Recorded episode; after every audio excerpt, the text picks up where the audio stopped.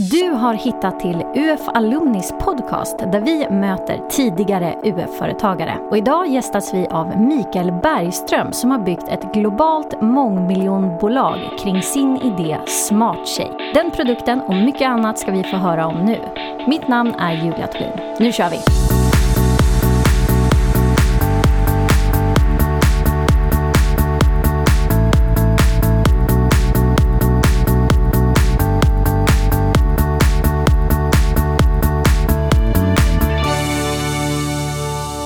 Hej Mikael! Hej Julia! Du ska få berätta direkt om SmartShake, din eh, produkt som hela bolaget började med och bygger på. Vad är det här för någonting? Ja, jättegärna. Eh, först tack för att du fick komma hit och, och, berätta om min resa och kanske få inspirera ungdomar ute i landet till att tro på sina drömmar och göra verklighet av det de drömmer om. Det är vi så glada för.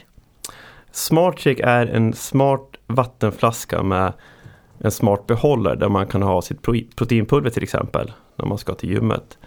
Um, numera använder jag den mest till uh, när jag är ute och reser till exempel. På vägen hit hade jag med mig fil i behållaren och uh, i portionsbehållaren hade jag müsli.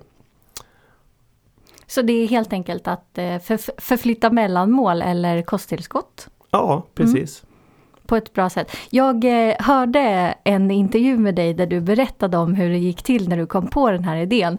Och den innehöll en bil och massa proteinsörja. Kan inte du berätta om det? Ja, det var en, eh, det var en chockerande upplevelse. Jag, det började egentligen redan i, i köket när jag skulle blanda en, eh, mina proteinpulver. Då hade jag plastpåsar där jag skopade i proteinpulver från en så stor hink som man köper. Eh, men just den här morgonen så var plastpåsarna slut. Så då tog jag största shake jag hittade och sen la jag i hela dagens förbrukning av proteinpulver i den stora flaskan. Hoppa in i bilen och eh, började köra på E18. Började skaka den här stora shaken och vad tror du händer? Locket går upp. Får, Såklart. Ja, och jag får proteinsörja över mig själv och i bilen och det droppar från taket och det var, det var bara en stor sörja överallt. Eh, så jag stannade i bilen och dunkade huvudet i ratten och bara svor för mig själv eh, hur klantig jag är och eh, vilken dålig produkt jag hade att skaka med. Och det var där jag fick idén med SmartShake, att göra en, en shaker i hög kvalitet som inte läcker och som har smarta portionsbehållare så jag kan lägga dagens eh, alla portioner i olika behållare och skruva då ihop det till en hel produkt. För det är det som är grejen, det är liksom inte bara en flaska utan det är olika lager där i. Ja precis, det är en smart flaska, en, smart shaker helt enkelt. Vi har ju flaskan här framför oss nu och man ser att det är eh, en undersida som man kan skruva loss. Ja precis, det är en behållare man kan skruva loss. Och i den behållaren så tar man med sig det man vill ha med sig. Och till exempel müsli eller proteinpulver eller pre-workout eller vad man nu vill ha med sig när man är på språng. Och den här har i alla fall jag sett, alltså den här eh, flaskan på väldigt många olika platser. Folk som har den i handen när de springer runt här på stan i Stockholm eller när de är på gymmet eller så här, hemma hos folk. Det har ju växt från att vara ditt problem som du ville lösa till att bli ett jättestort företag. Och ni finns i nästan hela världen nu. Ja, vi finns i 90 länder idag. Eh, och det har ju blivit att vi löser ett problem för våra konsumenter men sen har vi trendiga färger också. För går du till gymmet för att bli snygg och du har fina träningskläder, det är klart du ska ha en schysst vattenflaska också. Såklart. Ja. Men eh, har du varit väldigt, hållit på mycket med träning och sånt där? För det, när du berättade hur du kom på idén, då kändes det som att det var själv, en självklarhet att du så här började morgonen med att blanda proteinshake, eller eh, proteinpulver. Ja, jag har ju tränat väldigt mycket hela mitt liv egentligen med att spela hockey, innebandy, Eh, just då när jag kom på smartshaken så tränade jag på gymmet i princip varje dag. Och mätte min kyckling och mitt ris liksom och var superseriös. Nu är jag inte det längre men eh, just då, då var det det. Det var det som var allt för mig. Är det fortfarande träning och sånt stor del av din eh, livsstil ändå, även fast du inte tränar lika mycket? det är en del, men inte kanske en stor del. Nu jag har tre barn och reser runt i världen och, och, och, jobbar så att det blir inte det blir inte lika mycket träning som jag vill. jag förstår. Du, eh, jag tänkte att vi kunde, vi ska komma in mer på SmartShakes resa, men vi vill ju också passa på att bara ta reda på hur det var när du drev UF-företag, för det var ju någonstans där det började det här kontakten med entreprenörskap, eller? Ja, UF eh, var väldigt viktigt och det är liksom när jag tänker efter vad det gav mig Eh, så satte det grunden egentligen på det jag håller på med idag. Eh, och det var ju allt från att liksom komma på en idé, vad ska jag göra? Eh, till att produktutveckla, till att köpa in produkterna, förädla dem på något sätt och sen marknadsföring, sälja och så ska det där redovisas också. Så det är otroligt mycket man lärde sig där. Ni sålde en kvast? Ja, precis. Jag hade lite idétorka så jag tänkte, ja, men vi köper in kvastar och så målar vi dem och så säljer vi handmålade kvastar med blommor på som vi, som vi satt och målade i ett garage där. Du och några kompisar eller? Ja, det var jag och en, en, en kompis. Vi, vi startade tillsammans. Ja, häftigt ändå. Och vad, hur gick det då när ni drev UF-företaget? Var det, liksom, var det en affärsidé som var så här, ja, det här var bara för nu eller tog ni det vidare på något sätt? Nej, det var ju, vi hade lite tufft att sälja de där kvastarna faktiskt om jag ska vara ärlig. Vi, SmartCheck är en bättre affärsidé. Ja, det, det, är lite större volymer på den. Men vi lyckades sälja kvastarna till vänner och släkter och grannar och sådär. Det är ju det, man får vara en liten trygg bubbla och prova på alla företagandets olika delar. Ja, precis. Ja, nej men det är väl tjusningen med UF, att man får verkligen testa. Just det.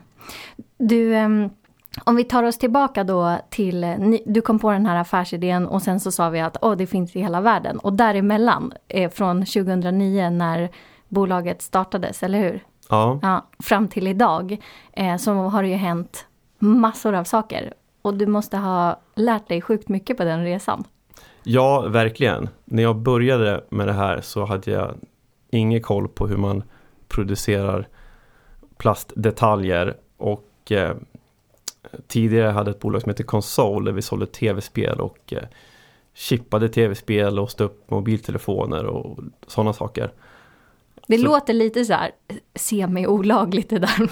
Med att chippa, ja, ja. Det, det, var lite gråzon sådär. Och det var alltid lite grann, kommer det komma nya regler? Och, det, det, var en liten kamp med de stora drakarna. Så, så resan till SmartCheck gick via det här tv-spelsföretaget? Ja, det kan man säga. Jag sålde det bolaget 2010 och jag startade SmartCheck 2009, så året innan. Eh, så när jag märkte att ja, men nu det här börjar, det börjar flyga nu, då körde jag liksom fullt ut med, med SmartCheck. Och som jag har förstått så har det varit eh, ändå viktigt för dig och för er det här med själva skyddandet av eh, produkter, alltså patent och sånt, eller? Ja, alltså jag vet när jag började så, så tänkte jag så okej okay, det här är en ganska simpel produkt egentligen. Det är ingen raketforskning att göra en plastbehållare. Eh, så just att det kommer komma kopior, det visste jag ju. Och jag räknade med att det skulle kanske ta två år innan det kommer. Och såklart ville jag skydda mig så mycket jag kunde. Och då var ju patent och designskydd, trademark var ju en viktig del av det. Sen har vi blivit utmanade eh, några gånger, liksom, speciellt i Kina där vi har produktion och det är där många av de här kopiorna kommer ifrån. Eh, så vi har haft lite case med fabriker som gjort, gjort kopior och vi har varit på dem eh, och fightats med dem och eh, vi har faktiskt vunnit varenda gång mot dem. Och eh, regeringen i Kina har gått in och förstört utrustningen de tillverkar kopiorna för och Oj. dokumenterar det liksom. Och, så att, eh, det funkar faktiskt riktigt bra i Kina. Det är många som tror att det är, det, det är svårt där med, med kopiorna men de, de kan agera där. Det är inte en lång process utan där kan man få på några månader så kan man få det som resultat. Vad är det som är skyddat? Eh, det viktigaste skyddet som vi har det är egentligen designskydd. För det är ju egentligen en produkt som ser för lika ut. Eh, kan vi gå på och då räcker det med en bild egentligen. Eh, patent är ju lite svårare för att då, är det mer funktionen och det är inte säkert man ser en funktion på en bild utan då måste man köpa kopian och man måste liksom bevisa att de använder våran teknologi. Och det är, liksom, det är en längre väg att gå. Så det är mer eh, hur den ser ut? Ja, precis. Inte så här gängorna och sånt? Nej, gängorna, det är ju liksom, vi är inte de, den första som har gängor på en produkt. Nej. Så det är svårt att, att skydda. Um, men vi har till exempel att nätet fastnar i, i locket. Uh, det är en unik funktion som, som bara vi har. Nätet fastnar i locket? Ja, det sitter ett nät inuti flaskan som slår sönder pulverklumpar. Och det nätet, traditionellt ligger det löst i själva stora behållaren. Uh, och nu blir det här väldigt tekniskt och svårt att förklara så här. Men, det är svårt men, när man inte kan visa. Ja, men vårt nät det, liksom, det, det klickar fast i själva locket så att man, man slipper hålla på och pilla på det där nätet. För det blir lite du, eh, vi hade tidigare gäst, eller i en annan podcast så hade vi killarna som har startat ett eh, företag, eller en ideell eh, förening som heter Locker Room Talk. Eh, och eh, en av killarna där, Rodrigo, han eh, ställde en fråga till dig eh, som är lite på det här temat. Så jag tänkte vi kan spela upp den. Jag är lite osäker på om han faktiskt har använt en smart shake när jag hör den här frågan. Men vi ska få se om du kan svara. Hej Mikael, jag har en viktig fråga till dig. Hur kan jag göra för att slippa klumpar i min proteinshake? Ja, precis. Och det har jag ett jättebra svar på. Eh, det är viktigt att man har en flaska som är tillräckligt stor så att eh, pulvret och vattnet och det man blandar med kan hoppa runt ordentligt där inne liksom och skaka loss. Och sen det här nätet som vi pratade om eh, tidigare. Det finns där för att liksom slå sönder de här pulverklumparna. Så rätt storlek gentemot eh, hur mycket pulver man har i låter det som. Också. Ja, mm. precis. Mm. Så att det verkligen kan hoppa omkring där inuti. Han, eh, han har haft i för mycket pulver? Ja, antingen för mycket, för mycket pulver och vätska och för liten flaska. Eh, eller att han eh, inte har kanske använt det där nätet. Just det. Bra, då hoppas vi. Det är så roligt med Shanga och Rodrigo för de jobbar med jämställdhetsfrågor för killar. Att man ska få bort det här eh, sexistiska snacket i omklädningsrum. Och sen så när vi är så här, har ni en fråga som ni kan ställa till Mikael? Och han bara, jag har en viktig fråga! det, var, det var lite härligt tyckte jag. Han gick igång på det. Eh, stor och vältränad kille, så han behöver definitivt äta eh, pro mycket protein. Ja, jag hör det. Ja. Men du, ehm, eh, en sak som jag sitter och tänker på när vi pratar eh, Imma, imma, vad heter det? immaterialrätt, svårt ja. ord, patent och designskydd och sånt där. Det är ju att ofta när man är så här ny och ska starta företag, då brukar jag typ ge råd till folk att Eh, ja men var inte så rädd för att prata om din produkt och liksom visa upp den och, och eh, bolla med folk och var inte så här, sitt inte med den själv utan ta in input och försök att börja sälja den även fast den inte finns liksom och få ut den så mycket som möjligt. Men det där blir lite konstigt när det handlar om just sådana här frågor. Hur tycker du att man ska förhålla sig till det? Uh, jag känner igen mig själv när jag eh, kom på idén med SmartCheck så, så var det verkligen att vågar jag prata om den här produkten? För tänk om någon snor den av mig. Eh, så man var ju väldigt försiktig med vilka man pratade med och var alltid lite så orolig. Eh, men jag tycker inte man ska behöva vara så himla orolig. Eh, man kanske inte ska köra liksom en annons i en tidning liksom innan man har försökt skydda den och så. Men prata med en nära liksom och få feedback tror jag är jätteviktigt. För det är lätt att man går in i sin bubbla och så tror man att det här kommer rädda världen. Ehm, men, men sen om andra får höra på det så kanske man får lite andra synvinklar och eh, kanske måste ändra sitt koncept eller lägga ner det om, om det inte håller. Mm. Men hur gick det praktiskt till för dig då när du fick ditt första skydd på smartshaken? Eh, det första skyddet eh, var ett patent som vi sökte och på den tiden så hade jag så jäkla tajt med pengar. Så att jag skrev i princip hela patentet själv. Eh, kollade hur andra hade skrivit patent och försökte bygga upp det på, på liknande sätt. Eh, och så gick jag till en patentbyrå och liksom bara, kan ni slutkolla det här bara? Och tanken det var inte egentligen att jag skulle få igenom patentet utan det var bara att kunna få skriva patent pending för jag hade tänkt att det är flashigt och kunna, ah, kunna hävda det några år. Eh, så sen blev jag jätteförvånad när jag fick svar från Patentverket. Jag har visst fått, i, fått igenom patentet. Och då hade ni det? Ja, precis. Det var helt fantastiskt. Häftigt. Och ni började i Sverige kanske, tänker jag naturligt?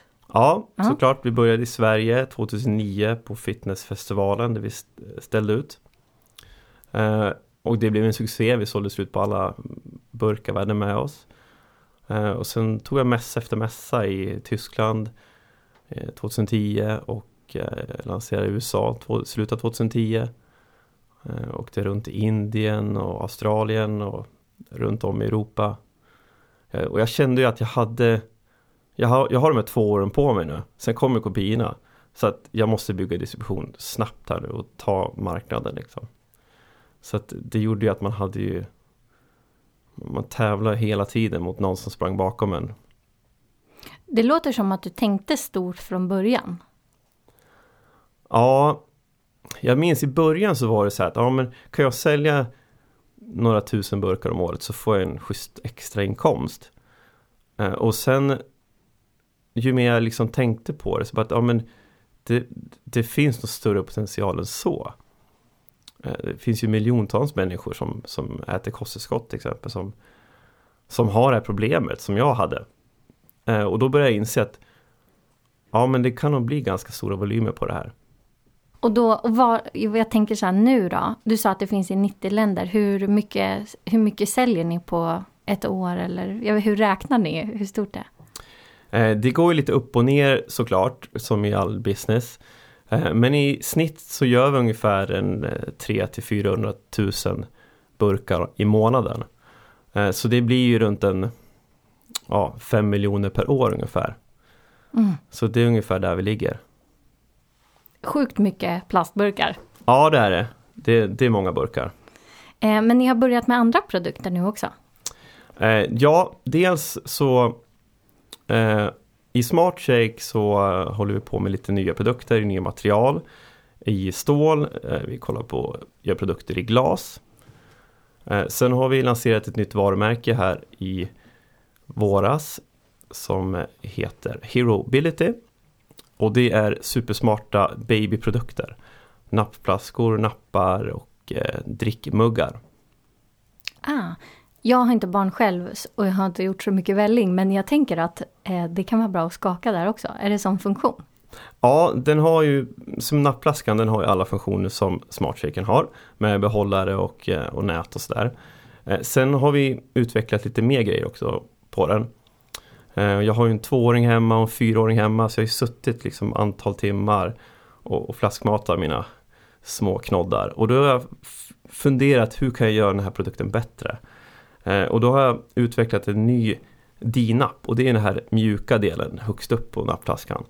Eh, den har traditionellt sett sett likadant ut i alla år egentligen. Men då har vi gjort en ny design på den som är mer ergonomisk för bebisen. Och sen har den en unik funktion att den stänger för mungipan på bebisen så att det inte kommer in tjuvluft och att de inte dreglar. Så det är en helt ny funktion som vi söker patent på. Det låter som att du drivs av mindre kladd. Ja, precis. Det är ett genomgående tema. Men det är ganska roligt tänker jag också att så här, när du var inne i din superträningsfas, då tog du fram den här produkten och sen nu när det är så familjeliv, då utvecklar du sådana produkter. Ja, precis. Det, det är liksom jag, jag tänker hela tiden hur jag ska kunna förbättra produkter och så varje dag så är det alltid någonting man tänker. Man stör sig på att varför är det så här för? Kan man inte göra det bättre? Och det, det kommer säkert fortsätta så. Så det är jättekul att se vad man hittar på framöver. Så eh, det, jag, tänkte tillbaka till frågan om så här, vart SmartShake är på väg. Då låter det som att produktutbudet ökar, det kanske är fler länder. Ja, vi i både Smartshake och Herobility så ser vi ju jätteljust nu på framtiden. Vi har massa nya produkter. Ehm, vi har superbra marknadsföring som funkar jättebra. Ehm, och vi liksom får jättebra mottagande av marknaden på allting nytt vi håller på och, eh, och släpper. Vad, vad är, ehm, kan du säga någonting mer specifikt där kring marknadsföringen om vad det är som funkar? Vi började med influence marketing egentligen 2009 och 10 i SmartTrack där vi sponsrade de största bodybuildersna i USA. Eh, och då fattade vi inte riktigt vad vi höll på med men vi tänkte de bästa blir förknippade med dem i branschen, det måste ju vara bra. Eh, så där började vi marknadsföringen. Eh, sen har vi gjort en resa i Smarttrick att vi har gått från bodybuilding och fitness mer till att vi gör vattenflaskor som vem som helst kan använda. Man behöver inte äta proteinpulver för att använda en, en vattenflaska. Och då har vår marknadsföring också ändrats lite grann med det, med att vi måste satsa på influence marketing med eh, mikroinfluencers, eh, mycket Instagram och Facebook och den typen av liksom, marknadsföring. Skicka ut gratis produkter och eh, be folk skriva om dem. För jag tror att när man tänker så här influencer marketing att det behöver vara de här allra största eh, kontona som man ska nå till. Men när du säger mikro... Eller vad sa du för någonting? Mikroinfluencers. Ja, är det, menar du då att det är så här, rätt typer av personer som kanske inte har så mycket följare men påverkar rätt personer?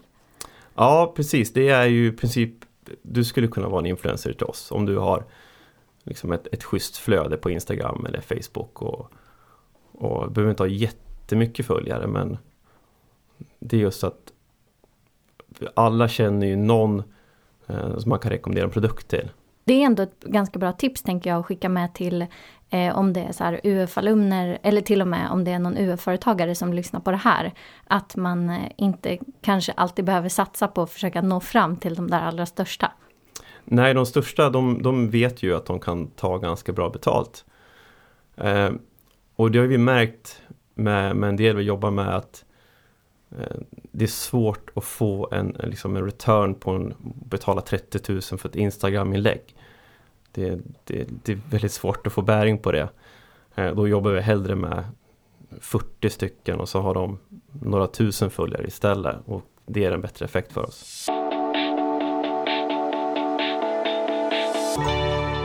Jo, jag tänkte att eh, vi skulle återkomma till det här med att du tänkte relativt så här hela världen från början ändå. Att du åkte ut på mässor runt om i Europa och sen även i världen. Vad skulle du säga är jag tänker så här, åka på mässor. Det, är det det som är liksom, eh, har varit ditt sätt från början? Eller vad, vad, kan du ge för tips och råd till någon som vill tänka globalt och som vill komma ut på massa olika marknader mer än i Sverige och Norden? Ehm, ja, mässor har varit jätteviktigt för oss. Ehm, för att där samlas ju liksom hela industrin man vill jobba i. Och då är det liksom branschmässor, sport, fitness, ja, sådana ni har kollat upp? Precis. Så där går ju alla återförsäljare och distributörer och tittar efter nya produkter som de kan sälja på sin marknad. Ehm, och då är ju mässor ett superbra sätt att, att nå dem och, och även få feedback på produkten. Alltså vad, vad tycker folk om produkten och vilka frågor har de och är det någonting vi är otydliga med i vår marknadsföring eh, så är det ett liksom bra sätt att känna marknaden lite grann där. För ni har inte eh, du tänkte inte från början att du skulle satsa på att sälja den här direkt till kund själv utan direkt börja jobba med återförsäljare eller? Ja precis.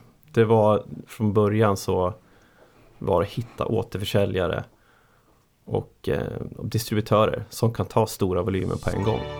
Har du några liksom andra drömmar? Jag tänkte koppla till så här, familj eller livet i övrigt. Vad ser du framöver? Vill du starta andra företag eller vill du satsa? Vad vill du göra? Vad har du kvar? Eh, nej men jag känner att jag, jag har en, en bra balans nu liksom i familjelivet. Eh, det är klart man vill ha mer tid till sina barn och, och, och kunna finnas där. Men jag känner nog att jag, jag har en bra balans nu i livet. Eh, där jag har liksom man ger allting både hemma och i, i företagen. Eh, sen känner jag att starta till bolag eh, Det finns liksom inte tid till det nu.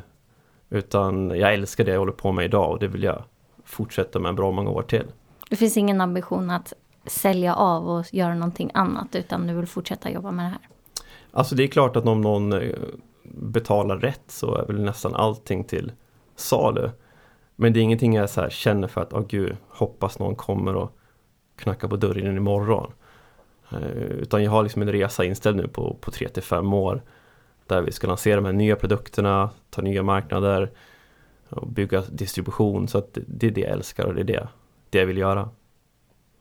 Så ingen, eh, du har inte så målat upp någon eh, konkret eh, dröm som du kan dela med dig av som är någonting annat? Eh, nej, alltså jag, jag, man får ju lite så skygglappar när man är entreprenör och man liksom är inne i sin bubbla och bara kör. Eh, så jag, jag tänker inte så mycket runt, runt omkring faktiskt. Ganska fokuserad? På. Ja, väldigt fokuserad på att nu, nu liksom stenhårt köra det här i tre till fem år liksom. Sen vet jag inte, det kanske blir förlängning på det eller, eller vad man hittar på. Ni utgår från eh, Västerås, är det så? Ja, vi har huvudkontor i Västerås. Och sen har vi ett kontor i Pittsburgh också i USA. Okej. Okay. Hur är det att driva företag i Västerås? Det är superbra. Det är en stad som är eh, alltså lagom stor. Det finns allting man behöver i stan. Eh, så det är superbra.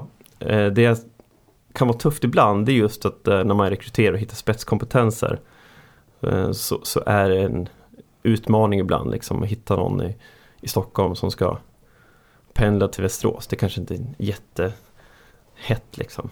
Du får gå på Västmanlands UF-mässa och rekrytera där. Ja, precis. Jo, men eh, jag har varit på den här mässan massa gånger. Det är superkul att se.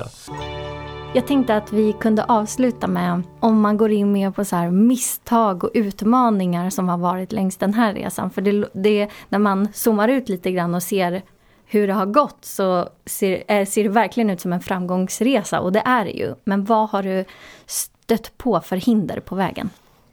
Ja, varje dag är det säkert ett hinder som, som kommer upp, någonting nytt varje dag. Och det är väl tjusningen med startup är att man vet inte hur nästa vecka eller månad blir. Det är på något sätt fortsätter det bara dyka upp små bränder hela tiden som man får rycka ut med och släcka som en, som, som en, vad heter det, en brandman. Just det. Men om jag ska lyfta några grejer som, som var jäkligt tufft liksom.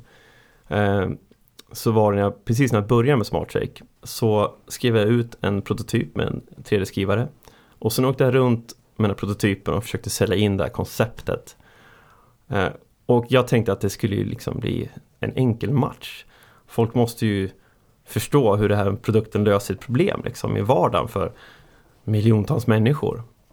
Eh, men jag fick ju tillbaka att äh, men en sån här shaker det får du ju gratis när du köper ditt kosttillskott. Det är ingen som kommer betala för en sån här produkt. Det är, det är bara en sån här giveaway. Eh, och så sa de det liksom en efter en efter en och jag försökte bara, ja men 99 spänn det är liksom Det är ju ingenting för en produkt du använder flera gånger om dagen. Och du slipper att den läcker och, och, och ett smart sätt att få med sig sitt proteinpulver.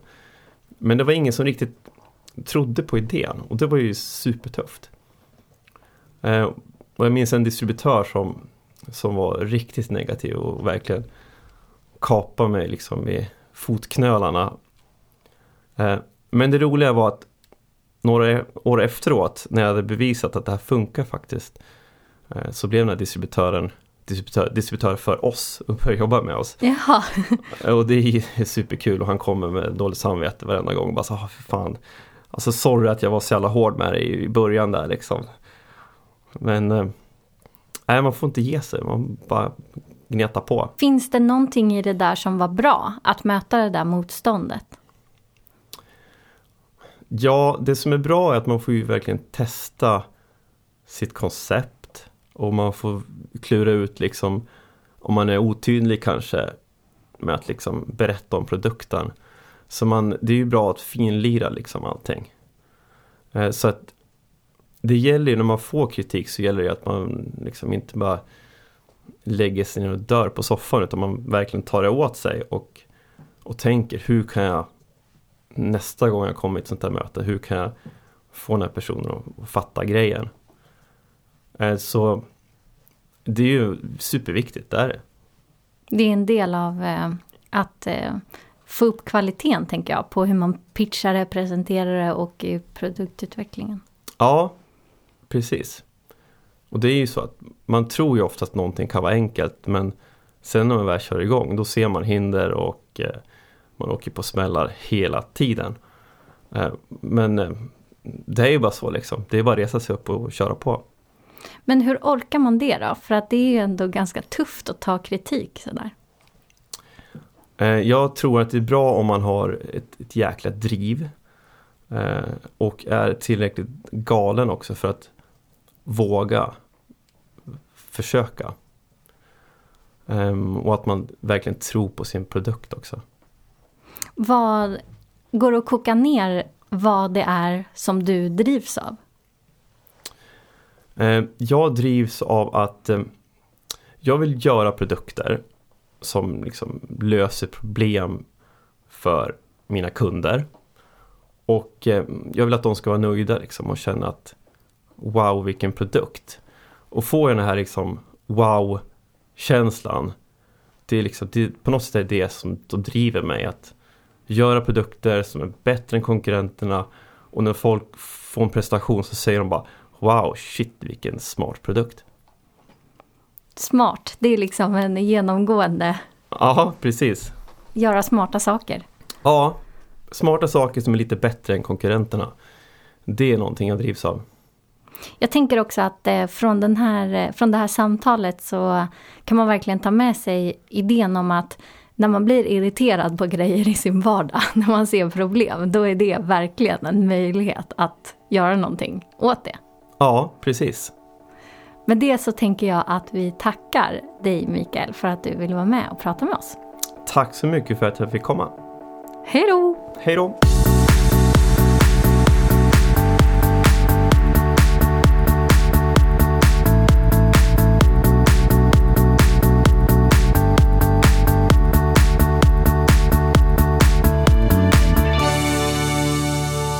Om du precis som Mikael också driver eget företag eller om du kanske är sugen på att starta så är det faktiskt så att vi har ett erbjudande som är rätt bra för dig. Du som UF-alumn får gratis ekonomiprogram under ett år från Visma och Fortnox. Kolla in dem på ungföretagsamhet.se ufalumni. ungföretagsamhet.se ufalumni.